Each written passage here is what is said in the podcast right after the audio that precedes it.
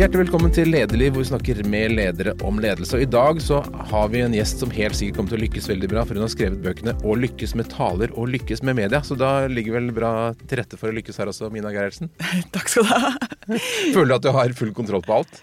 Nei, det har jeg jo ikke. Men jeg føler jo at eh, når det gjelder ledelse, så har jeg etter hvert en del erfaring. Så jeg tror vi blir klokere som ledere etter noen år. Mm. Du er generalsekretær i Nasjonalforeningen for folkehelsen. Og det er ikke alle som kjenner den. Kan ikke du si kort hva det er? Det er en stor og gammel organisasjon. Eh, over 100 år gammel. Begynte for å bekjempe tuberkulose. Og så løste jo den seg, og da så man seg rundt og tenkte hva er viktig nå? Og da, så nå jobber vi med folkehelse eh, og hjertesykdom og demens. Så vi er over hele landet 500 lokale foreninger. Så vi jobber med befolkningens eh, helse i nærmiljøet deres, og så jobber vi jo politisk og jobber med forskning for å få mer eh, penger til forskning. Og er Nasjonalforeningen og Helselaget og sånn, er det noe som folk har lyst til å engasjere seg i? Altså Har det appell fortsatt? Ja, det ser vi. Vi har stabile medlemstall. Eh, nå har vi også de siste årene jobbet mer med demens. så Vi har fått 170 demensforeninger som jobber med pårørende og med at det skal være gode tilbud til folk som rammes av den sykdommen i kommunene, og med aktivitet for personer som har demens. Så vi ser jo at det er en sykdom som dessverre øker, og det er behov for frivillig innsats her. Og der kommer det mange frivillige til oss.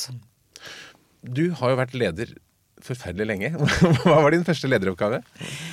Hvis jeg skal telle bakover, så tror jeg det er å være leder i Stovner AUF. Ja. Da var jeg 13 eller 14 år. Så det blir sånn 30 år med lederverv av ulike slag.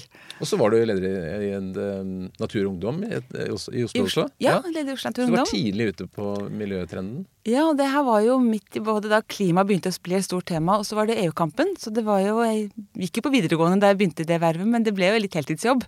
For det, det var så stort og viktig. Og så oppsummert så har du gjort masse fint etter det. Du har en veldig lang CV, jeg tror ikke jeg skal gå inn på alt, men du har vært eh, rådgiver for eh, Jonas Gahr Støre i Røde Kors. Du har vært politisk rådgiver for Jens Stoltenberg og statssekretær ved SMK med kommunikasjon. Du har vært statssekretær i Kulturdepartementet, journalist i Dagbladet, Dagsavisen litt grann, og Mandag Morgen og mange forskjellige ting. Ja. Mye handler om kommunikasjon, journalistikk, ledelse. Det gjør det. Det er, en, det er en rød tråd her. Eh, så jeg pleier å oppsummere med journalistikk, frivillighet og politikk. Ja. Det er stort sett der jeg kretser rundt. Så jeg, jobbet, jeg skulle bli journalist. Det var egentlig planen. Du klarte det, da. Jeg, jeg ble det, men så kjente jeg at jeg hadde lyst til å ha en egen stemme også. Så da ble, ble det mer kommunikasjon for frivillige organisasjoner og politikk etter hvert. Men det å være i, i halen på eller rett bak uh, Jens Stoltenberg og Jonas Gahr Støre, som jo er to veldig store ledere begge to, hva lærte du av det? Mye. Så jeg har vært kjempeheldig. Jeg har jo fått jobba for Jeg begynte i Røde Kors da Jan Egeland var leder. Det var derfor jeg søkte meg dit. Da hadde han akkurat eh, laget Fred i Midtøsten, trodde vi, og var jo stor helt. Eh, så det å få jobbe med sånne folk som han, Jonas Gahr Støre og Jens, da, som er den jeg jobba nærmest med lengst, det har jeg lært veldig mye av. Så sånn, det, jeg prøver å ta med meg fra, ja, fra tida med Jens Stoltenberg, han er jo han er veldig opptatt av at vi skal ha alle argumentene på bordet. Eh, få inn all faktaen. Så at hele beslutningsgrunnlaget skal være der. Det er ikke farlig med uenighet. Det er viktig med at du får fram motargumentene. Så han, han ringte jo gjerne fageksperten sjøl, for å være sikker på at vi hadde ordentlig kunnskap. Og så var han opptatt av at vi skulle ha skikkelige diskusjoner. Sånn at eh, enten så kunne man jo bli eh, overbevist om at det var et annet standpunkt som var rett, eller så står du stødigere det du mente opprinnelig. Så det å få de ordentlige diskusjonene, at ingen skal være redd for å komme med motargumenter, det har jeg lært av han. Og så har jeg lært at man alltid skal ha lov til å tulle. Mm -hmm. Skal du lage gode team som kan stå litt sammen i stormen, så må det være lov å tulle også når det er litt vind. Jeg forbinder ikke han umiddelbart med sånn veldig mye tull og tøys, men det skjedde kanskje mer bak kulissene enn det vi andre fikk se? Det var veldig også gøy på statsministerens kontor. Mm. Det, det, er jo sånn du orker å stå på 24 timer i døgnet. Vi var jo alltid i beredskap. Jeg hadde alltid telefonen i hånda. Og det orker du ikke hvis det ikke er gøy også. Det er jo kjempespennende, og det er viktig. Men det å være et lag altså Vi følte av og til at det blåste vel mye at eh, sånn, nå er vi i krigen sammen. Og der står du godt som lag når du også kan få lov til å tulle litt. Mm. Du er jo veldig arvelig belastet på ledelsessiden. Altså din, din uh, farfar var jo Einar Gerhardsen, eh, som jeg nå har måttet lese meg opp på hvor lenge han egentlig var statsminister. Var, vet du hvor lenge det var totalt? Var det ikke 16 år? Nei, det var 17 år og 8 dager. Ja. Uh, så han var jo Han gikk litt av og på. En... Stats, ja, han litt til og med, men tidenes statsminister uten tvil. Og så har ja. du byrådsleder av Rune Gerhardsen som far og statsråd Tove Strand som mor. Så det ja. lå det i kortene hele tiden at du skulle bli leder. Har du alltid drømt om å lede? Det har ikke vært en døm i seg selv, men jeg har jo alltid sett at det er en naturlig ting uh, å være leder.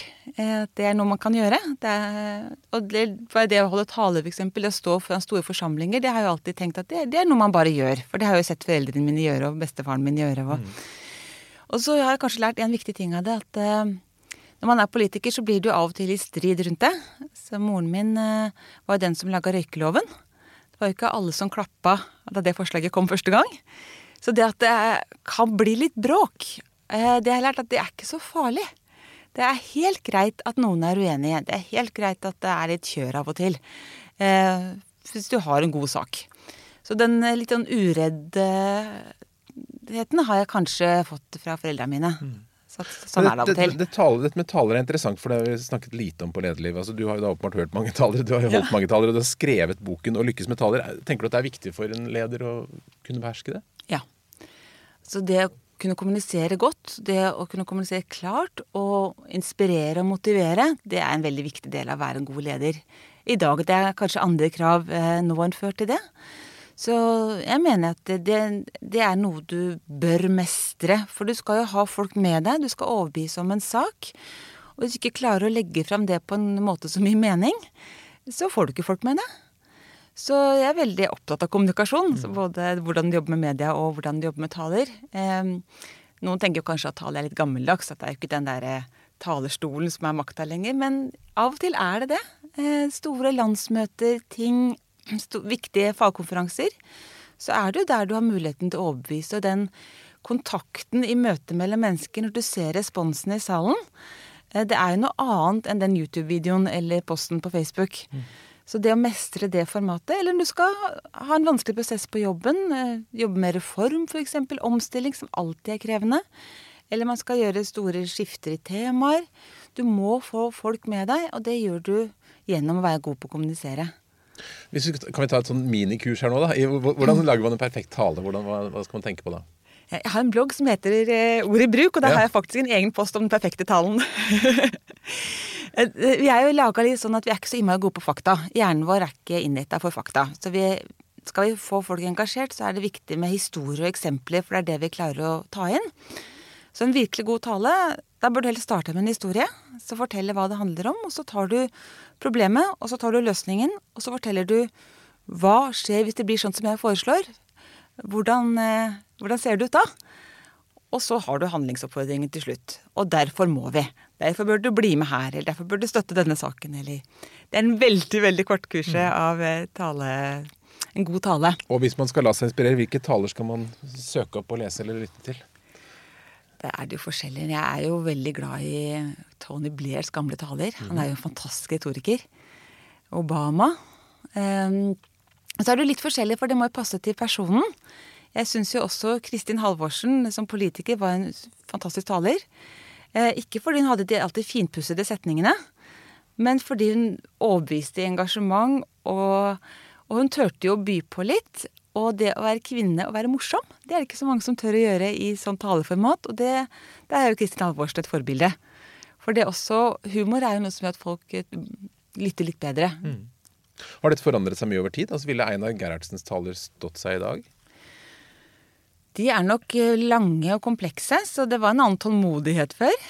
Men det jeg har tenkt på noen ganger, jeg har sett på gamle nyttårstaler, bl.a. med hans gamle, at vi Kanskje det er en fin ting at folk blir tatt med på alvor. For nå har vi nyttårstalene er veldig overskrifter, og dette skal være hyggelig og sånn slagordaktig. Han satt jo ned og snakka om vanskelige økonomiske valg. At det egentlig kanskje vi undervurderer folk med at det skal være så så enkelt, sånn som de nyttårstalene har blitt. Og jeg er medskyldig, jeg har vært taleskriver for statsministre før eh, sjøl. Men jeg tenker at kanskje har vi noe å lære av den gamle formen nå. At eh, folk kan være med på det komplekse hvis du forteller på en ordentlig måte. Og den andre elementet du har skrevet bok om, altså medie og lykkes i media, er det mye av det samme? Mange samme teknikkene? Det handler mye om å gjøre seg forstått. Mm. Og jeg syns jo Jeg er jo mye å høre på foredrag, og syns jo veldig ofte at man ikke snakker om hva man snakker om.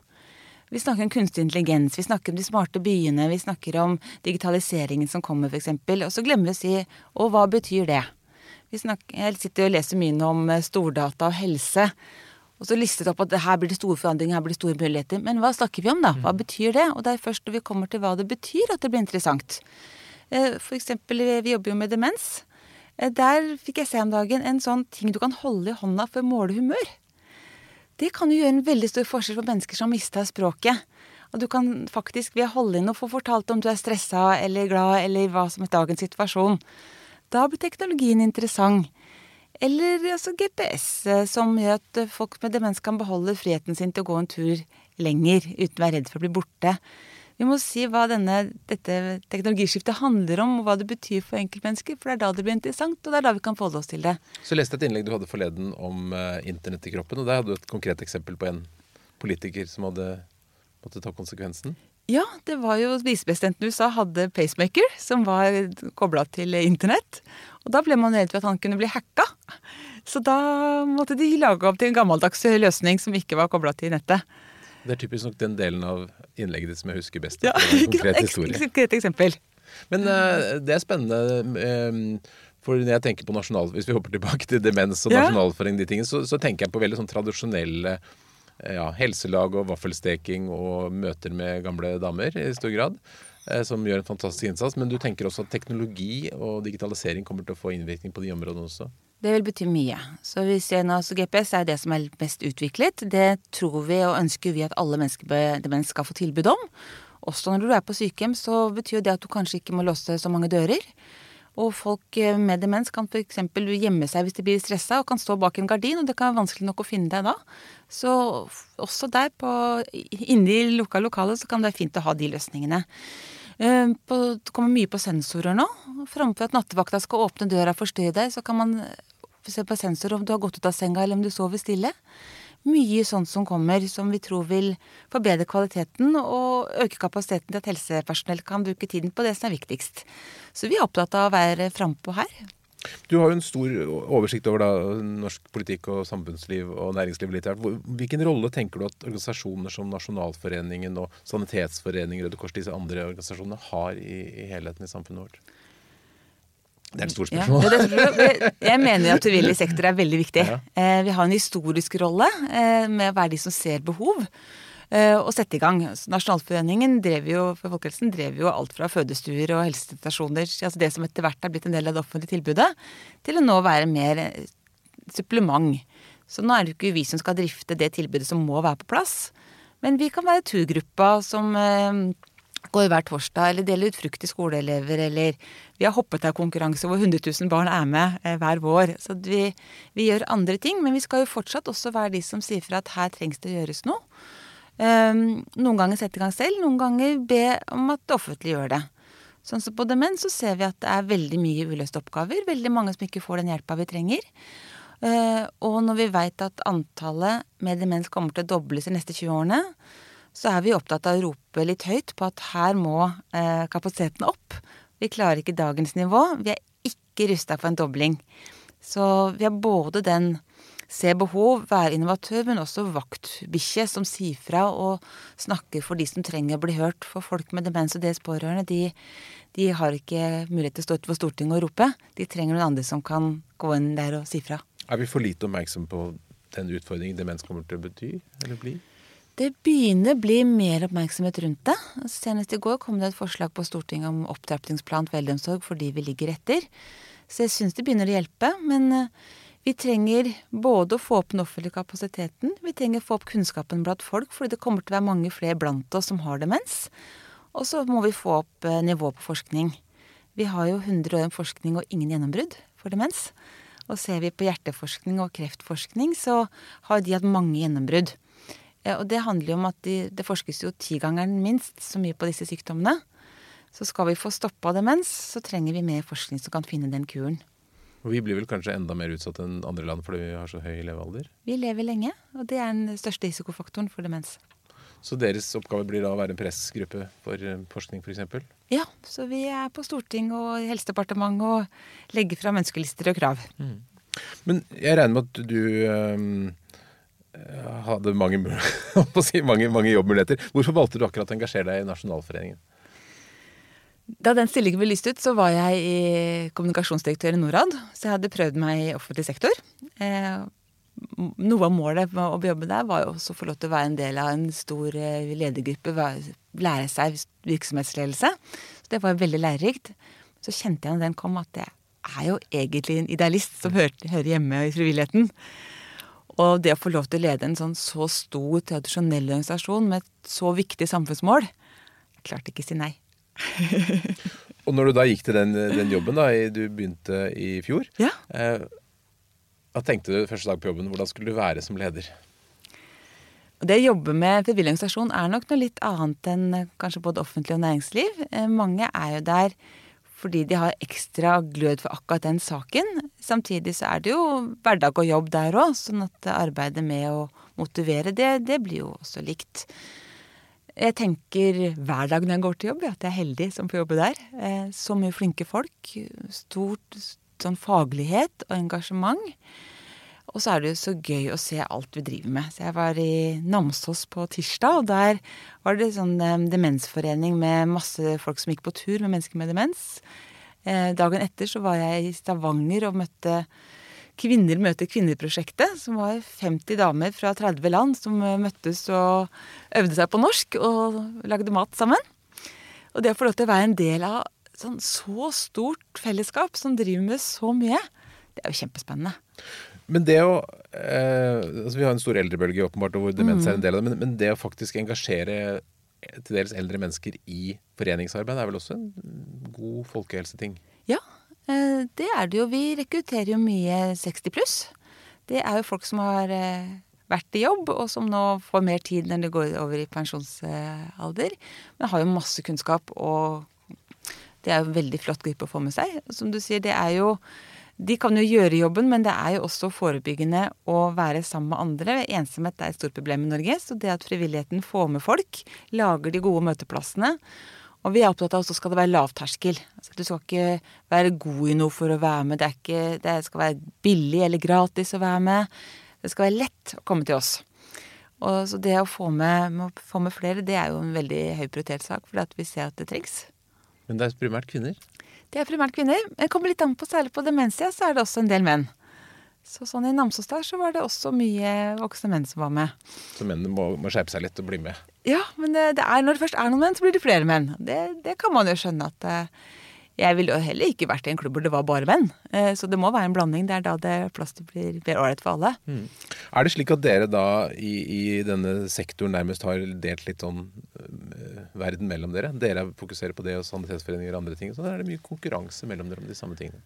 Nei, vi har en arbeidsdeling. Sånn, vi jobber jo med hjertehelse og forskning, men uh, LHL er jo hovedorganisasjon på det. Det er de som er pasientorganisasjonen. Og så er det vi som er pasientorganisasjon på demens.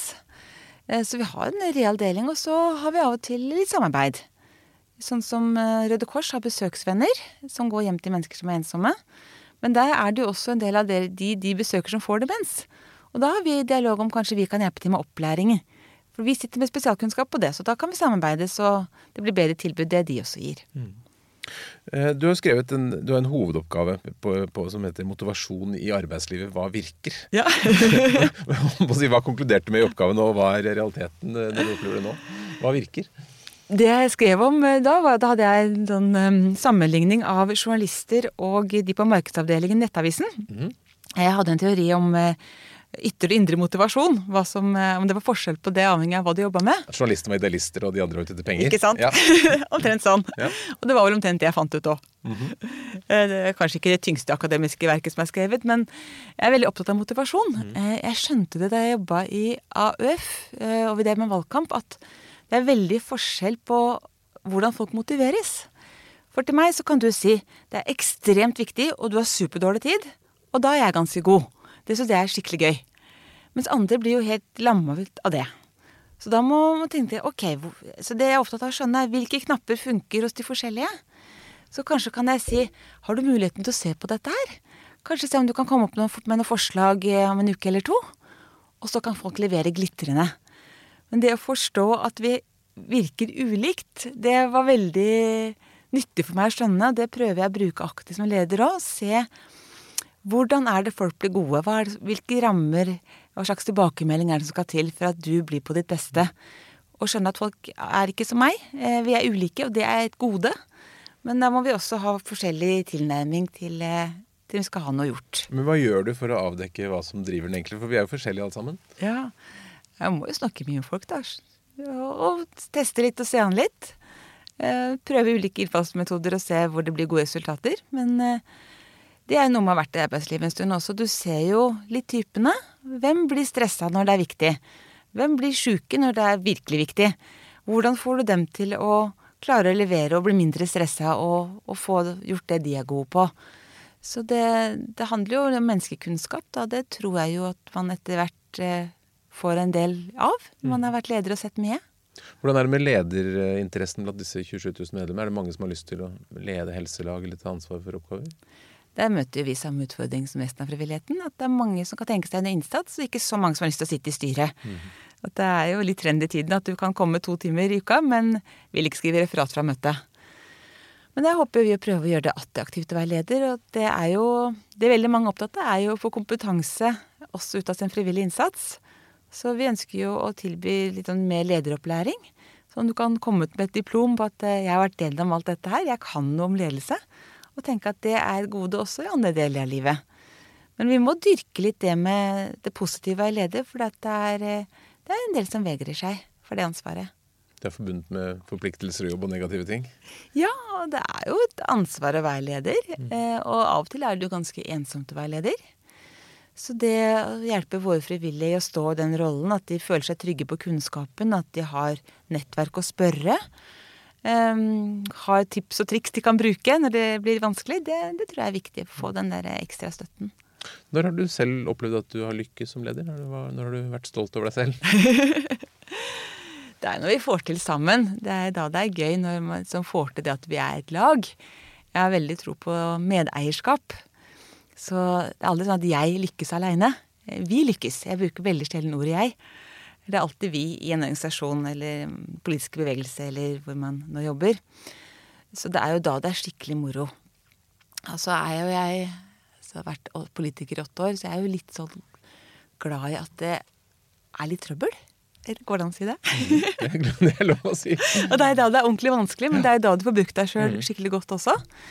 Så jeg syns jo, når man har jobba sammen om en vanskelig sak og løst den godt, det er nesten eh, noe av det, det sånn tilfredsstillende som leder. Og så er det selvfølgelig sånn å lykkes utad når Nasjonalforeningen for folkehelsen får fine medieoppslag eller store pengegaver eller lykkes politisk, så er det klart at det er ekstra gøy da. Det er mange av dere AUF-ere og Arbeiderpartifolk som har markert dere som ledere. Er, det, er Arbeiderpartiet en bra lederskole? Ja, det er det. Du lærer jo veldig tidlig å argumentere for eh, meninger. Eh, du lærer å ta ansvar. Du lærer å stå foran andre. Vi har jo også en egen lederskole, AUFs lederskole, så jeg har tatt den. Men vi bruker som begrep folk som har AUF-skolen. At det er en ekstra kvalitet med folk. For man veit at da har du vært gjennom en opplæring som er ganske unik. Og som ofte er veldig nyttig. Altså alt fra møteledelse til å jobbe med en sak over tid. Så det opplever jeg som en veldig nyttig bakgrunn. Nå jobber jeg jo ikke partipolitisk, men jobber jo mot, eh, vi jobber jo opp mot politiske systemer. Og da er det veldig verdi å ha med seg den eh, skolen der. Er det noe du ser etter også hos kolleger, eller når du skal ansette? Jeg ser jo etter eh, om folk har, eh, har, vist et engasjement før. Jeg tror hvis du skal jobbe i frivillig sektor, at eh, hvis du har gjort alt mulig annet, så er det ikke sikkert at du vil trives der. For det, jeg tror det har litt glød med seg, et, et samfunnsengasjement, gjør at eh, i hvert fall du skal jobbe som politisk pådriver, at det, det er en fordel å ha en bakgrunn fra. Er det stor forskjell på det å lede i en organisasjon, lede i en offentlig virksomhet og lede i en næringslivsbedrift? Jeg har aldri prøvd næringslivet, Nei. Eh, så det veit jeg Neste ikke. Gang, kanskje. ikke sant? Ehm, jeg tror det er noen forskjeller, og blant annet det at vi jobber med frivillige. Så min jobb som generalsekretær i Nasjonalforeningen for folkehelsen er jo også å motivere våre mange tusen tillitsvalgte og frivillige. Eh, og det handler jo veldig mye om at de skal føle seg sett og satt pris på. At vi eh, ser verdien av den innsatsen de gjør. Og vi jobber jo med mange voksne eh, damer som sier nei, vi gjør ikke så mye. Men så jeg, hva gjør de da? Og så kommer de lange, lange listene over hva de faktisk gjør. Det er så imponerende hva de får til. Så det å bygge opp selvtillit og stolthet på det de gjør, det, det er jo en annen måte å jobbe på enn det er på en arbeidsplass hvor det, du bare forholder deg til ansatte. Nasjonalforeningen har jo tidligere også drevet sykehjem og, og sånne ting. Ja. og i hvert fall i Oslo så er jo det, skal jo liksom, jeg har inntrykk av at alt skal over på offentlige hender nå. Hvordan tenker du rundt det? Burde organisasjonene drive mer sånne ting? Mm, I Oslo så har vi fem seniorsentre, som er sånn dagtilbud for eldre. Og der ser det ut som nå at bydelene skal overta. Jeg tenker vel at vi mister noe hvis vi tar ut eh, det frivillige tilbudet. fordi at den merverdien i at det er frivillige som driver det, og at vi har frivillige som er tilknytta disse sentrene, det kan ikke det offentlige erstatte fullt ut. Fordi at noen kommer og prater med deg fordi de har valgt å bruke tida si sammen med deg, det er noe annet enn at du er betalt for å gjøre det. Så der er du ikke helt på linje med Arbeiderpartiet i Oslo? Ikke helt. Jeg, jeg, jeg skjønner ikke helt hva de har tenkt her. Nei, fordi eh, frivilligheten må jo nødvendigvis ha en plass i, fremover. Jeg tror vi blir viktigere, eh, fordi vi ser at det er store behov. Eh, Både med eldrebølgen, der vil vi trengs. Men vi ser også økende ulikhet. eh, Unger som ikke har råd til å være med på ting. Og det er klart at vi har en kjempeviktig rolle både i å snakke om det, men også å lage lavterskeltilbudene som alle har mulighet til å være med på. Så den frivillige kraften, den blir absolutt ikke mindre viktig fremover, kanskje tvert imot. Jeg tenker at det å være leder i frivillig virksomhet er jo altså Hvis man kan lede frivillig, så kan man vel veldig godt også lede betalt. for sånn. Jeg tror vi har, kan mye om motivasjon og inspirasjon, som sikkert kan ha nytte også andre steder. Men jeg var litt involvert i Nasjonalforeningen folkehelse for veldig mange år siden, på 90-tallet. Og da Ja. eh, var det mange gamle damer den gangen òg. Og da tenkte man at oi, oi, vi er i ferd med å dø ut. Det er ingen Det kommer ikke til å være noen organisasjon her nå. Men det virker som det fornyes. Det gjør det. Vi får stadig nye eh, medlemmer som nettopp er ferdig i arbeidslivet og har lyst til å fortsette å gjøre en innsats. Mange har jobba med helse før. Så har, mange av våre frivillige har jo hatt et liv eh, i eldreomsorgen fra før. Så tar de med seg den kunnskapen og det fagengasjementet som frivillige. Og det er vi jo veldig glad for. Eh, og så er det jo mange som har lyst til å gjøre noe meningsfylt. Og f.eks. dette med å gå tur med en som har demens. Der kommer det også folk som ikke har noe forhistorie, men har lyst til å gi et viktig samfunnsbidrag og opplever det som meningsfylt å være med. Så vi har, eh, har et jevnt tilsig, også av yngre, men særlig kanskje av de voksne. Det at vi er friske og lever lenger, gjør jo at vi har mye tid til mange år. Mange gode år som man også kan være med å bidra. Men du har jo overtatt av denne stafettpinnen fra en, i en virksomhet som har holdt på siden tidlig på 1900-tallet. Hva tenker du du skal gjøre med den i de årene du er leder? Hva er det viktigste endringen du har lyst til å få til? Jeg har lyst til at vi skal bli mer kjent. Eh, Vi er veldig godt kjent der vi har sterke helselag. Eh, Men eh, mange steder så kjenner de ikke til oss. Og skal vi kunne være den samfunnsstemmen eh, som tar opp enten vi snakker om sosial ulikhet i helse eller eh, økende behov for demensomsorg, så må folk vite hvem vi er. Så det er jo en av mine ambisjoner, er å øke synligheten vår. Og det politiske arbeidet vårt med å være pådriver. For vi, vi har jo god folkehelse i Norge i utgangspunktet, men nå ser vi en del negative trender. At vi Økende ulikhet, vi har økende fedme. Det er risiko for at vi får mer diabetes og mer hjertesykdom igjen. Eh, ungdommene våre beveger seg så lite at det er helsefarlig. Eh, så vi har mye å jobbe med. Og skal vi få vært gode ambassadører for de budskapene, så må jo folk vite hvem vi er. Men du har jo selv vært journalist. Det skal litt til å få forside og stoff på sånn jevnt og godt helsearbeid. Det skal det. Det krever veldig mye konflikt. Er, det, er, er ikke det noe av utfordringen? Jo, altså det at noe er viktig, er jo ikke nok til å komme i avisa. Eh, dette har jeg skrevet en bok om. så det handler om å lage en pakke eh, på, som gjør at det blir en sak. Hva er det som Når jeg holder kurs om dette, her, så snakker jeg om sånn Du må finne et nå. Hvorfor er dette viktig nå? Jeg har jo også jobbet med bistand før, og det at det er mye fattige mennesker i verden, er jo ikke en sak eh, i seg selv. Men hvorfor er det en sak nå? Da er det sånn Er det en prosess som skjer? Er det en hendelse? Er det nye tall? Er det nye spennende forslag som kan sette agenda? Hva er ditt nå som gjør at eh, det er grunnen til at journalisten skal legge bort det han eller hun driver med, og skrive om ditt tema? Hva tenker du er viktig akkurat nå, da, fra Nasjonalforeningens side? Akkurat nå så har vi jo en eh, Vi var ikke en ny helseminister, men vi har en helseminister som har fått tilbake folkehelsetemaet. Så vi har jo lyst til å utfordre han på at nå har vi, som jeg sa, mange nye utfordringer. Nå trenger vi tiltak som faktisk gjør en forskjell. For det vi har jo hatt flere år med statsråd som, som mener at vi skal få informasjon og velge selv. Eh, Det veit vi ikke virker. Det hjelper ikke at du veit hva som er sunt og ikke sunt, for vi påvirkes ikke av det. Vi, vi trenger andre virkemidler. Når ungene våre beveger seg så lite, så trenger vi fysisk aktivitet i skolen. Så få på plass de tingene der. Så nå kommer vi til å jobbe inn mot eh, budsjettkonferansen i mars og prøve å få våre saker inn i papirene der. Og så kommer det ny demensplan til høsten. Det betyr at vi har en aktualitet eh, hele veien fram dit på å si at eh, nå jobbes det om dette, og det, disse sakene er det viktigste å få med her. Så der har vi noen aktuelle eh, knagger for, for, det vi skal si. Men veldig store saker. Det er vanskelig å få liksom, er, det ikke vanskelig å få noen synlige resultater? At det blir sånn små skritt på et stort problem? Ja, du må dele det opp. Så, sånn helt enkelt, Vi vil ha GPS-tilbud til alle som har demens. Den er konkret og grei. Nå kommer det en demensplan. Det bør på plass der. Så det er å ta det ned til de. Halvparten av de som har demens, har ikke diagnose. Uten diagnose får du ikke hjelp. Da må vi gjøre noe med det. Så det er å finne de Litt det jeg snakka om i stad. Hva snakker du egentlig om? Mm. Få det konkret. Det er dette, dette vi ber om i dag. Veldig mange som får demensdiagnose, får ikke en oppfølging. De har ikke en demenskoordinator. De må gå på Google og finne ut av ting sjøl. Det er helt uakseptabelt. Når du får en så tøff diagnose, en så vanskelig diagnose, så må det i hvert fall være lett å få hjelp. Det må på plass. Så vi må jo tydeliggjøre kravene våre én for én. Men aktualiteten er der i den store planen. Hvor stor andel av oss kommer til å få demens? Vet vi det? Det vi snakker om, er en dobling i løpet av 20 mm. år. Så nå er det ca. 77 000, så mm. da blir det en dobling av det. Samtidig kommer det noen spennende tall nå på forebygging. Ikke at du eller jeg kan eh, spise sunt og leve sunt og slippe, men at vi som befolkning, ved at vi som folk lever sunnere, så kan det hende vi klarer å redusere en del av risikoen for demens. Hva er det særlig vi må gjøre? Det er de samme risikofaktorene som på de andre store ikke-smittsomme sykdommene. Det er eh, alkohol, tobakk, kosthold kosthold, aktivitet. Så hvis du har moderat alkoholforbruk, ikke røyker, beveger deg og spiser sunt, så er det mindre risiko. Mye av det dere gjør, er jo eh, kommunikasjon og informasjonsarbeid som du er god på. Men det vi ser nå på, i forbindelse med dette koronaviruset, mm. er jo at det er jo veldig mye løgn og fanteri og rykter og tull og tøys på, på internett. Altså, ja. Er det et problem for dere som driver innen helsekommunikasjon, at det er mye useriøse kilder på nettet? Det er det.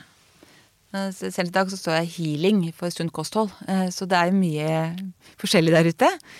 Um, altså, altså på demens så er vi jo litt bekymra for eh, budskapet om at du nettopp kan spise Hvis ikke riktig diett så kan du slippe alzheimer, mm. eller kurer, nærmest kurere alzheimer.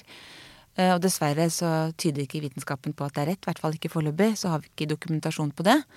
Så det å skape falskt håp er vi bekymra for, og det mye av den kostholdsinformasjonen også er, eh, er ganske drøy og ikke nødvendigvis eh, dokumentert. Så vi er jo veldig tydelige i våre råd på at det er så lenge du ikke har noen spesielle sykdommer, så er det Helsedirektoratets kostholdsråd som er det beste, som er et variert og sunt kosthold.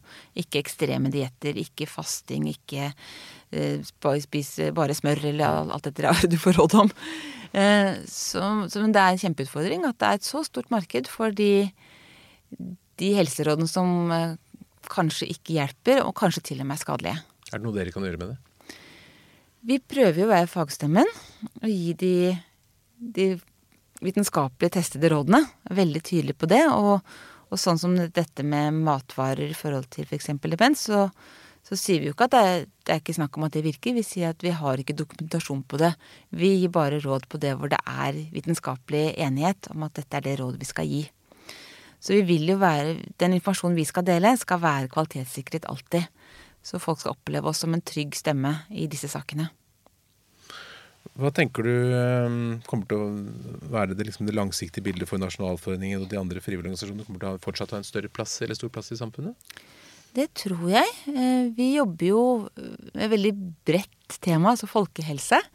Vi har jo en tanke om at vi skal ta opp de sakene som er viktigst. Eh, vi begynte med tuberkulose, den er løst. Mm. Eh, jeg har jobba mye med hjertehelse, der har det vært mange gjennombrudd. Det er hele tiden å se etter hva er behovene nå. Demens er et av de. Men også det at sjøl om vi lever lenge i Norge, så har vi mange tapte leveår pga. levevanene våre. Og det er jo noe vi ønsker å få gjort noe med. Og da tror vi mest på de store tiltakene som gjelder for hele befolkningen, ikke sånn én-til-én-rådgivning. Eh, tror mer på sukkeravgifter og sunn skolemat enn eh, at hver og en av oss skal ha en app som gir oss eh, tips. Men dette at de unge sitter så stille, beveger seg så lite, hva kan vi gjøre med det? Det er jo det å få til den aktiviteten i skolen. Alle mm, er jo enige om at vi skal ha én time fysisk aktivitet for alle elever hver dag. Eh, men det skjer jo ikke noe. Eh, det kommer sånn tipsforslag om hvordan man kan gjøre det, men foreløpig så er jo elevene helt avhengig av en idealist på skolen eller kommunen for å få det tilbudet. Så det å bespare Stortinget har bestemt at det skal skje, så må de bestemme at nå må de sette i gang. Eh, det vil jo gjøre en forskjell. Hvis eh, man er, sitter mye stille og bare ser på skjerm, så er jo det å bevege seg en time om dagen vil jo gjøre en forskjell. Mm. Så er det investering. Hvis vi investerer i ungene våre med et sunt skolemåltid, sunt gratis skolemåltid og den timen med aktivitet, så håper vi jo at det vil gi et godt grunnlag for gode vaner seinere i livet.